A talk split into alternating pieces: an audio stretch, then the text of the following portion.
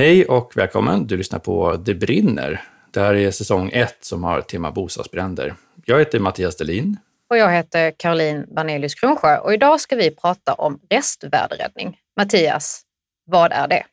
Ja, det ska vi prata med Tina Nordlund om. Hon är restvärdeledare och hon dyker upp om du har drabbats av en större brand och hjälper dig akut i stunden med det du behöver då och att, eh, ja, så att säga, rädda det som räddas kan av dina saker.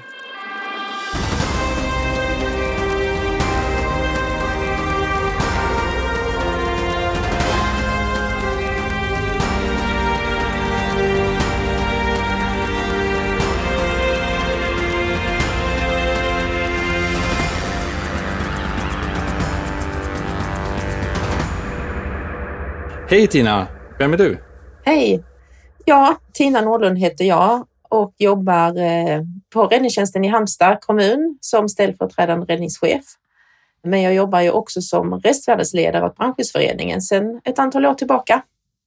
Spännande. Innan vi djupdyker i det här med restvärderäddning så ställer vi alltid frågan, har du haft en brand själv någon gång? Har du det? Det beror på hur man definierar det, för att eh, ett tillbud har jag haft. Eh, och det var när vi höll på att renovera här och hade oljat golvet. Och en sån här klassisk som de flesta känner till, det är ju att linolja och trassel, det är brandfarligt och när det ligger ett tag och får tillgång till luftens syre så blir det varmt och det börjar brinna. Och nu var det inte varken linolja direkt eller trassel, men det var någon annan olja vi hade haft och oljat golvet och det var en vanlig trasa. Eh, men den här oljan innehöll väl viss del linolja då. Och så hade vi massa renoveringssaker i hallen och sen vaknade jag tidigt på morgonen av att jag tyckte det luktade bränt. Så jag bara slog upp ögonen och det luktar bränt. Och så bara nej, nej, det är nog ingenting. Så jag låg kvar i några sekunder och bara nej, det luktar bränt.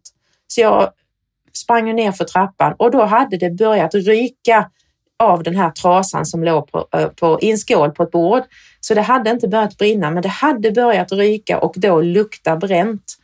Eh, så att det är typiskt ett praktfel. Även om det inte då var rent av linolja och trassel så var det helt klart brandfarligt. Så ett allvarligt tillbud faktiskt, för hade vi inte upptäckt det så kunde det blivit stort. Ja men precis och det är ju det är just det här att det finns ju ganska många situationer som vi klarar av att, att reda upp själva många av våra gäster har ju, har ju haft tillbud snarare kanske än bränder där man behövt ringa räddningstjänsten när man inte har kunnat hantera det själv. Ja. Ja, det var, det var nära ögat. Men du Tina, om vi pratar om, om, om restvärderäddning.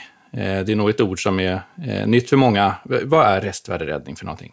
Ja, det är ju faktiskt en service som är väldigt, väldigt okänd för de allra flesta. De som inte har haft en, en brand eller en annan vattenskada till exempel eller något annat. De, de känner ju inte till det för att de har aldrig behövt utnyttja den här servicen om vi säger så. Men det är ju faktiskt en service som våra försäkringsbolag i Sverige, nästan alla svenska försäkringsbolag är anslutna till denna tjänsten, där då Brandskyddsföreningen är spindeln i nätet där de har ju oss restvärdesledare som utförare åt försäkringsbolagens kunder som blir drabbade av en händelse. Så att har man en, en för, gällande försäkring eh, av ett svenskt försäkringsbolag så har man också tillgång till den här tjänsten. Och det är ju när man är drabbad av, av, som privatperson så är det ju vanligast med en brand eller en vattenskada då. Sen finns det andra koncept som vi jobbar med också. Men som privatperson är det ju brand och vattenskada.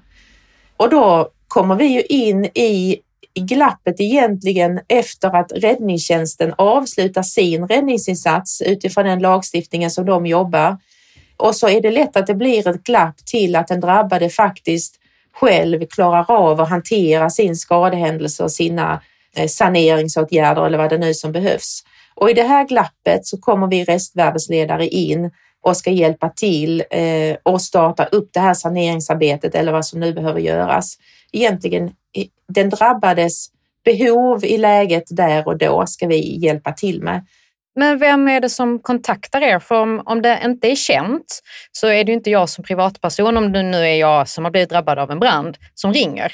Eh, nej, det, det, är faktiskt eh, väldigt bra ordnat nu för tiden för att SOS bevakar ju, de, de får ju givetvis in alla larmen i Sverige och larmar ut räddningstjänsten och då bevakar de också behovet av eh, restvärdesräddning Eh, så att larmet kommer till oss restvärdesledare från SOS. Så vi får ju ofta ett väldigt, väldigt tidigt larm.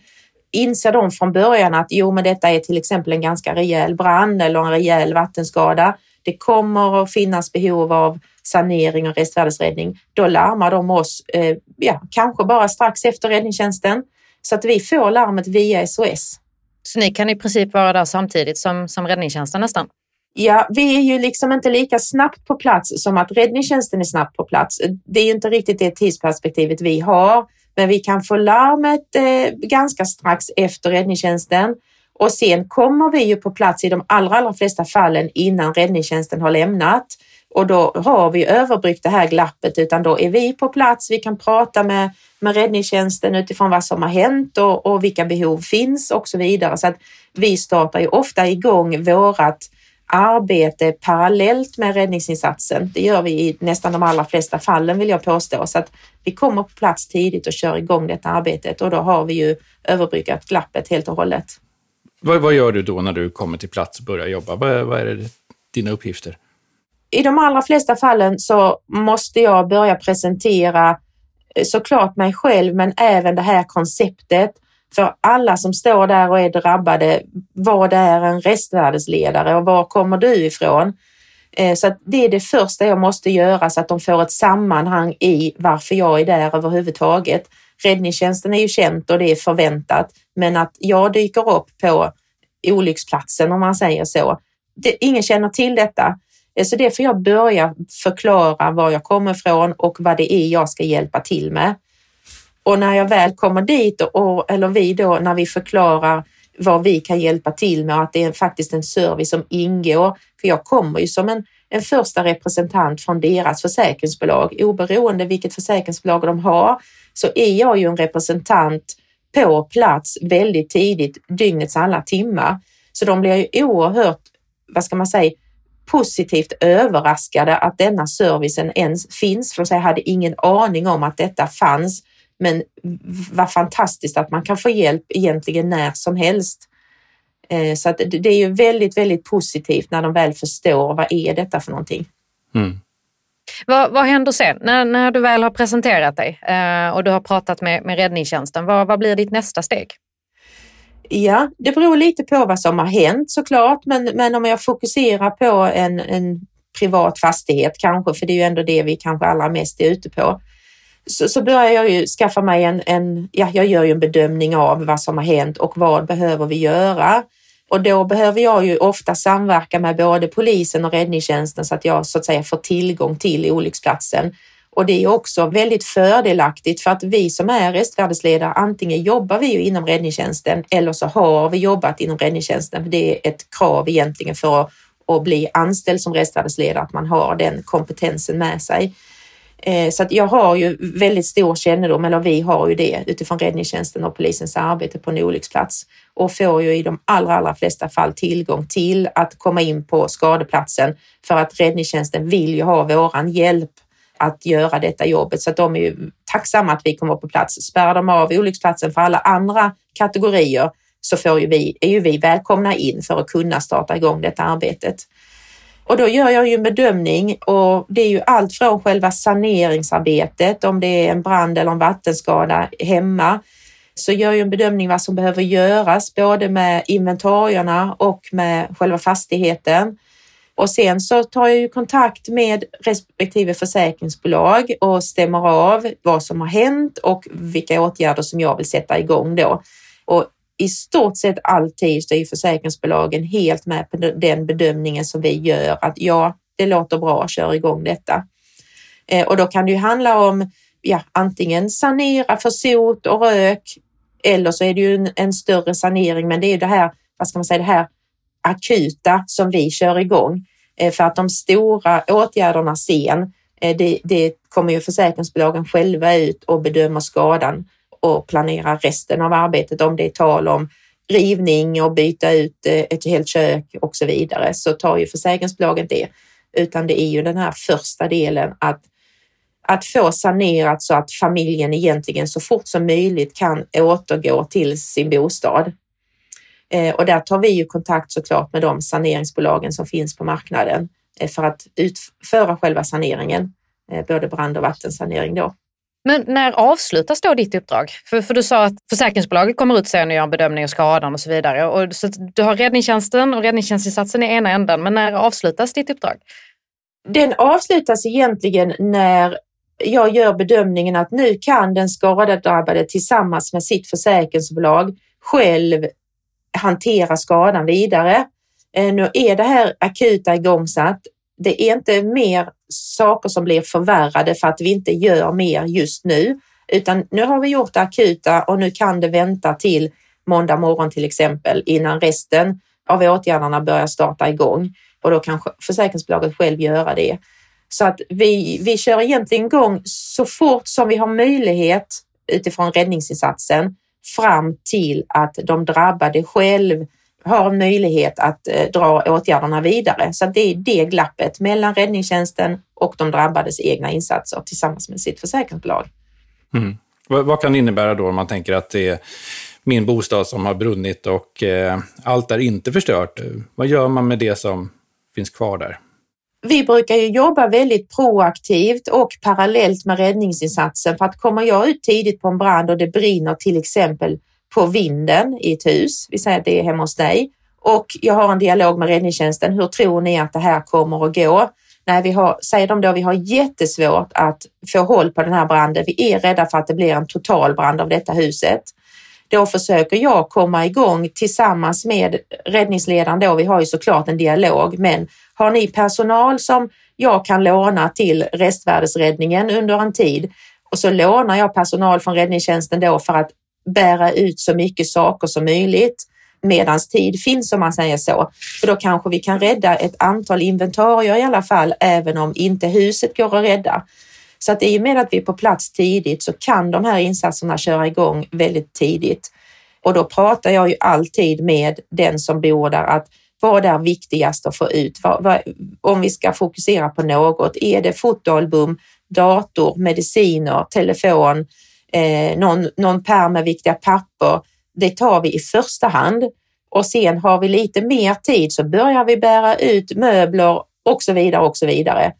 Eh, så att vi har, jag har ju exempel på när vi har egentligen tömt ett helt hem eh, när det har brunnit på vinden och vi i stort sett har fått ut allting och sen har det ändå blivit en totalskada. Så att då har vi åtminstone hunnit få ut eh, inventarierna även om byggnaden gick förlorad. Eh, sen är det ju inte alltid att vi har de möjligheterna utan ibland har det gått längre än så. Och då är det ju mer att ta hand om det som går att ta som hand efter att branden är släckt.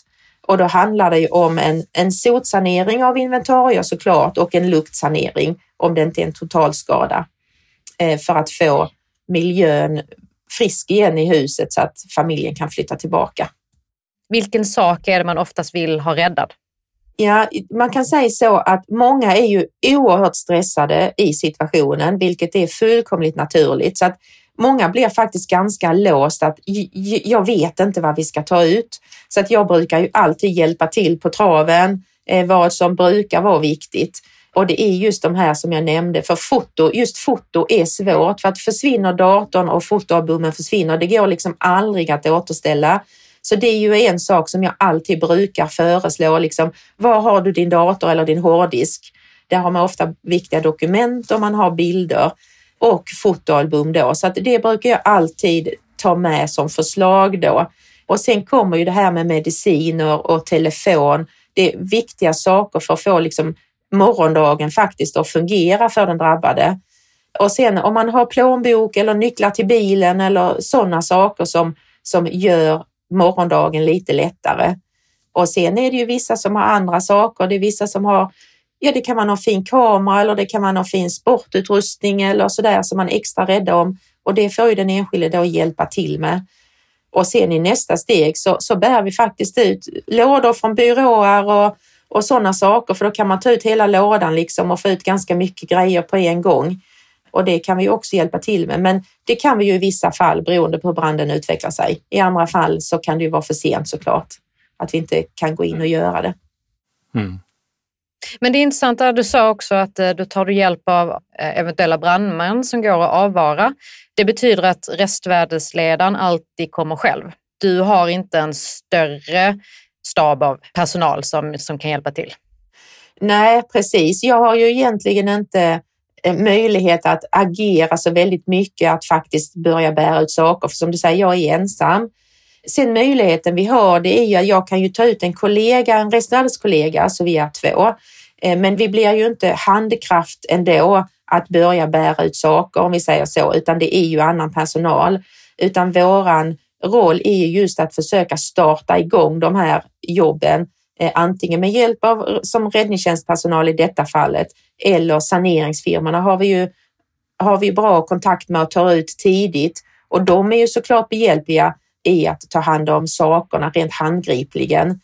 Och det, det, har varit i sådana fall också där en del av byggnaden har det brunnit men räddningsledaren har bedömt att vi kan vistas i en annan del. Har jag fått ut saneringsbolaget tillräckligt tidigt då så har de ju kunnat gå in och börja bära ut saker också. Eh, så att det är verkligen situationsanpassat utifrån hur långt branden har, har gått och vilka risker finns där och vilka möjligheter har vi i så fall till att, att jobba i byggnaden eller måste vi vänta ut branden för att eh, ha en säkerhet och gå in och kunna göra någonting. Mm. Men jag tänker om jag står där och sakerna är, är under räddning, men jag har kanske knappt kläder på kroppen och eh, tak över huvudet har jag inte längre och så vidare. Kan jag få hjälp med, med de sakerna också? Precis, jättebra. Eh, för att just den här egendomsräddningen, det är ju den ena del i vårt arbete och sen kommer den här humana delen som också är en oerhört viktig del ute på en skadeplats. För vi tar ju kontakt. Vi har ju ingångar in till jourerna på de flesta försäkringsbolagen och tar en kontakt och hjälper till, precis som ni säger i det här, hur ska de hantera sig? Ska de boka in sig på ett hotell första natten? Hur ska de hantera med kläder? Ska de gå och köpa kläder, spara kvittot och sen får de ersättning för det i efterhand och så vidare. Så vi hjälper till i det samtalet och dialogen med eh, vad det ingår i den försäkringen som du har och vad kan du göra just här och nu. Så att den dialogen är jätteviktig så att den enskilde vet liksom hur ska jag hantera mig och den här situationen just här och nu. Har jag möjlighet att åka hem till någon, någon, någon släkting till exempel och bo där över natten. Har jag inte det så får vi hjälpa till med den här hotellösningen till exempel. Och samma sak som du sa med kläderna. Och inte minst, vad ska man säga, den här humana stöttningen i att de har någon som fokuserar på dem som personer i sin olycka, om vi säger så, att hjälpa till i deras hantering, både i det rent praktiska med saker, men även den här humana biten i hur ska vi klara oss till i morgondagen och nästa dag eller till måndag eller vad det nu är. Eh, det, det personliga stödet är ju extremt viktigt i den här situationen. För de allra flesta som väl är har ju aldrig blivit drabbade tidigare utan det är en engångsföreteelse. Eh, man vet inte dels hur man själv reagerar och man vet inte vad det är för åtgärder man behöver vidta. Eh, så att den här hjälpen behövs ju verkligen. Och det får vi också väldigt positiva reaktioner efteråt. Det är få arbetsuppgifter som jag har kan jag säga som den jag, jag liksom hjälper är så oerhört tacksam för den hjälpen de har fått. För att man räknar inte med att få den utan vi bara dyker upp där som en hjälp från ingenstans som de inte visste om och sen hjälper vi dem hela vägen fram till att de och sitt försäkringsbolag har den kontakten så att de driver frågan vidare. Mm, fantastiskt. Det här låter lite, vi, vi pratade om civil insatsperson och då har du sagt Mattias att eh, eh, det handlar mycket om att kramas också. Oh ja, ja det gör vi mycket som civila insatspersoner. Det... Mm. Det, det, låter lite, lite samma där, det där eh, stödet eh, till den drabbade. Jo, men precis. Nej, för det, det, är ju vissa fall som, som någon i efterhand har sagt att jag hade inte överlevt denna dagen om inte du hade stöttat mig igenom den. För att de är så fruktansvärt stressade och vet liksom inte var de ska ta vägen, vet inte vad de ska göra. och sen finns det någon vid deras sida helt plötsligt som lotsar dem igenom alla de här stegen och berättar vad som händer, berättar vad vi ska göra härnäst, berättar vad som kommer därefter och hjälper till i de här praktiska grejerna, ringa försäkringsbolaget, hjälpa till med om det är hotell de behöver ta in på och så vidare. Eh, så istället för att stå ensam i sin liksom ovisshet så får man det här stödet och det är ju, det är ju såklart fantastiskt när man står där på förmodligen en av sina livs jobbigaste dagar. Mm. Om jag skulle bli drabbad, är det någonting jag kan göra för att underlätta för dig eller du är helt och hållet en stöttning till, till den drabbade? Eh, I grunden så är jag ju det, men sen är det ju såklart också beroende på hur, vad ska man säga, hur förberedd den enskilde är. Vissa har väldigt klart för sig att jo, men jag vill ha ut det och det och det. Andra blir helt ställda, har ingen aning om någonting som ska plockas ut. Men där kommer vi ju in och hjälper till och ger lite tips utifrån vad vi vet är viktigt att få ut. Men det man kan hjälpa sig själv med, det är ju att ha en gällande försäkring. För det är ju då man har tillgång till den här tjänsten. Och då pratar vi hemförsäkring? Ja, nu, nu pratar jag om hemförsäkring, men vi, vi agerar ju i andra tillfällen också vid eh, andra händelser, miljöolyckor och industrier och trafikolyckor och skogsbränder och så vidare. Eh, så att det finns ju såklart andra försäkringar med, men just nu så har vi pratat på ja, de enskilda boendena. Vad händer om du kommer ut till en brand och den boende eller den drabbade har inte en hemförsäkring? Vad händer då? Nej, jag får ju larmet och sen tar jag kontakt med eh, räddningsledaren på plats på telefon alltid och förhör mig lite om vad är det vi har för någonting och är det här objektet sannolikt försäkrat? Och ibland så har de ju pratat med den drabbade på olycksplatsen redan och de säger jo, men de, de säger att de har en försäkring. Då väljer jag att åka ut. Eh, får jag från början reda på att det finns ingen försäkring för räddningsledaren har fått det beskedet, då har jag heller inget uppdrag. För jag har ju mitt uppdrag via Brandskyddsföreningen och de svenska försäkringsbolagen. Och har jag ingen uppdragsgivare så åker jag ju heller inte ut. Och är det så att jag har kommit ut på platsen i tron att det fanns en försäkring och sen efterhand så visar det sig att nej, det finns ingen gällande försäkring. Det är inte så bara att jag lämnar på en sekund utan finns den drabbade på plats då tar jag ju ändå ett samtal. Okej, okay, nu har vi ett nytt läge och det är så här det ser ut eh, och ger en förklaring ändå till vad den enskilde behöver göra. Så att jag liksom får ju ändå såklart humant så måste jag stötta den i vad den ska göra. Men därefter så får jag ju lämna och åka hem för jag har ju ingen som ger mig uppdraget och som kommer stå för kostnaderna det innebär. Då finns det inget uppdrag. Hur blir det då i, i säg ett flerbostadshus där det är någon som inte har en hemförsäkring medan andra har? Nej, det, den är ju väldigt, väldigt olycklig för att tittar vi rent krasst så är det många gånger så också att de familjerna som inte har en försäkring, det är också ofta de som verkligen skulle behöva den här hjälpen och stödet. Så att situationen blir faktiskt ganska jobbig och svår utifrån att vissa har tillgång till den här hjälpen, andra har det inte.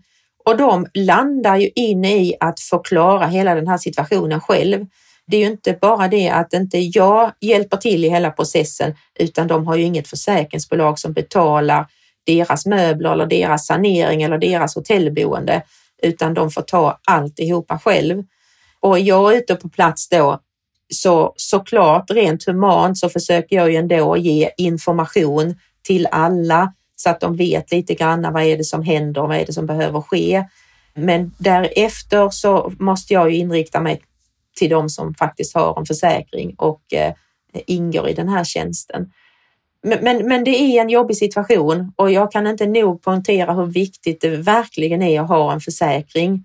Eh, för det är så sorgligt när det uppdagas att nej, det finns ingen försäkring. De har bara sig själv att förlita sig på. Ja. Händer det att socialjouren kommer till undsättning i de lägena? Vet du det? Ja, precis. Det är ju helt rätt. Eh, och då går det ju inte via mig utan då är det ju så att säga samhällets ansvar och då får räddningstjänsten eller räddningsledaren måste ju se till att på något vis alla de drabbade måste på något vis få en dräglig situation eh, och då ingår det i den, den samhälleliga uppdraget Så att då får räddningstjänsten se till att larma ut socialjouren som får komma till platsen eller hur man nu gör och lösa den mest akuta situationen utifrån de som då inte har en försäkring. Mm. Ja, men jag tror att det är många som inte vet om att, att hemförsäkringen också inkluderar en, en TINA som kommer till platsen och, och eh, hjälper en. Nej, jag vill påstå att i 99 procent av fallen så, så, vet ingen om detta, utan det är en tjänst som, som ja, det blir som en positiv överraskning. Men i, i grunden är det, är det ju ändå synd eftersom det är en tjänst som försäkringsbolagen inkluderar i sina försäkringar så är det ju en väldigt bra del i försäkringen om, om olyckan faktiskt drabbar. Mm. Ja, jättebra. Eh, fantastisk eh, tjänst denna, tycker jag. Ja, det får man verkligen säga och den är ju väldigt unik i världen för att Sverige har varit ensamma med denna tjänsten eh, vad jag känner till. Eh, men Norge har sedan ett antal år tillbaka dragit igång något liknande i alla fall. Men vad jag vet så är det de två länderna i världen som, eh, som har den här tjänsten på detta sättet. Ja. Tina, tack så jättemycket för att du varit med oss här idag. Tack Tina. Tack själva.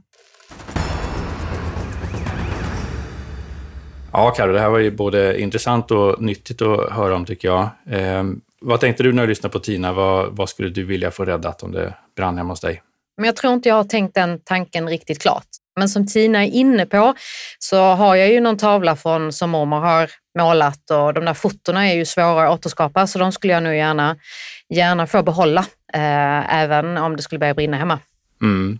Hur ser det ut för dig då Mattias?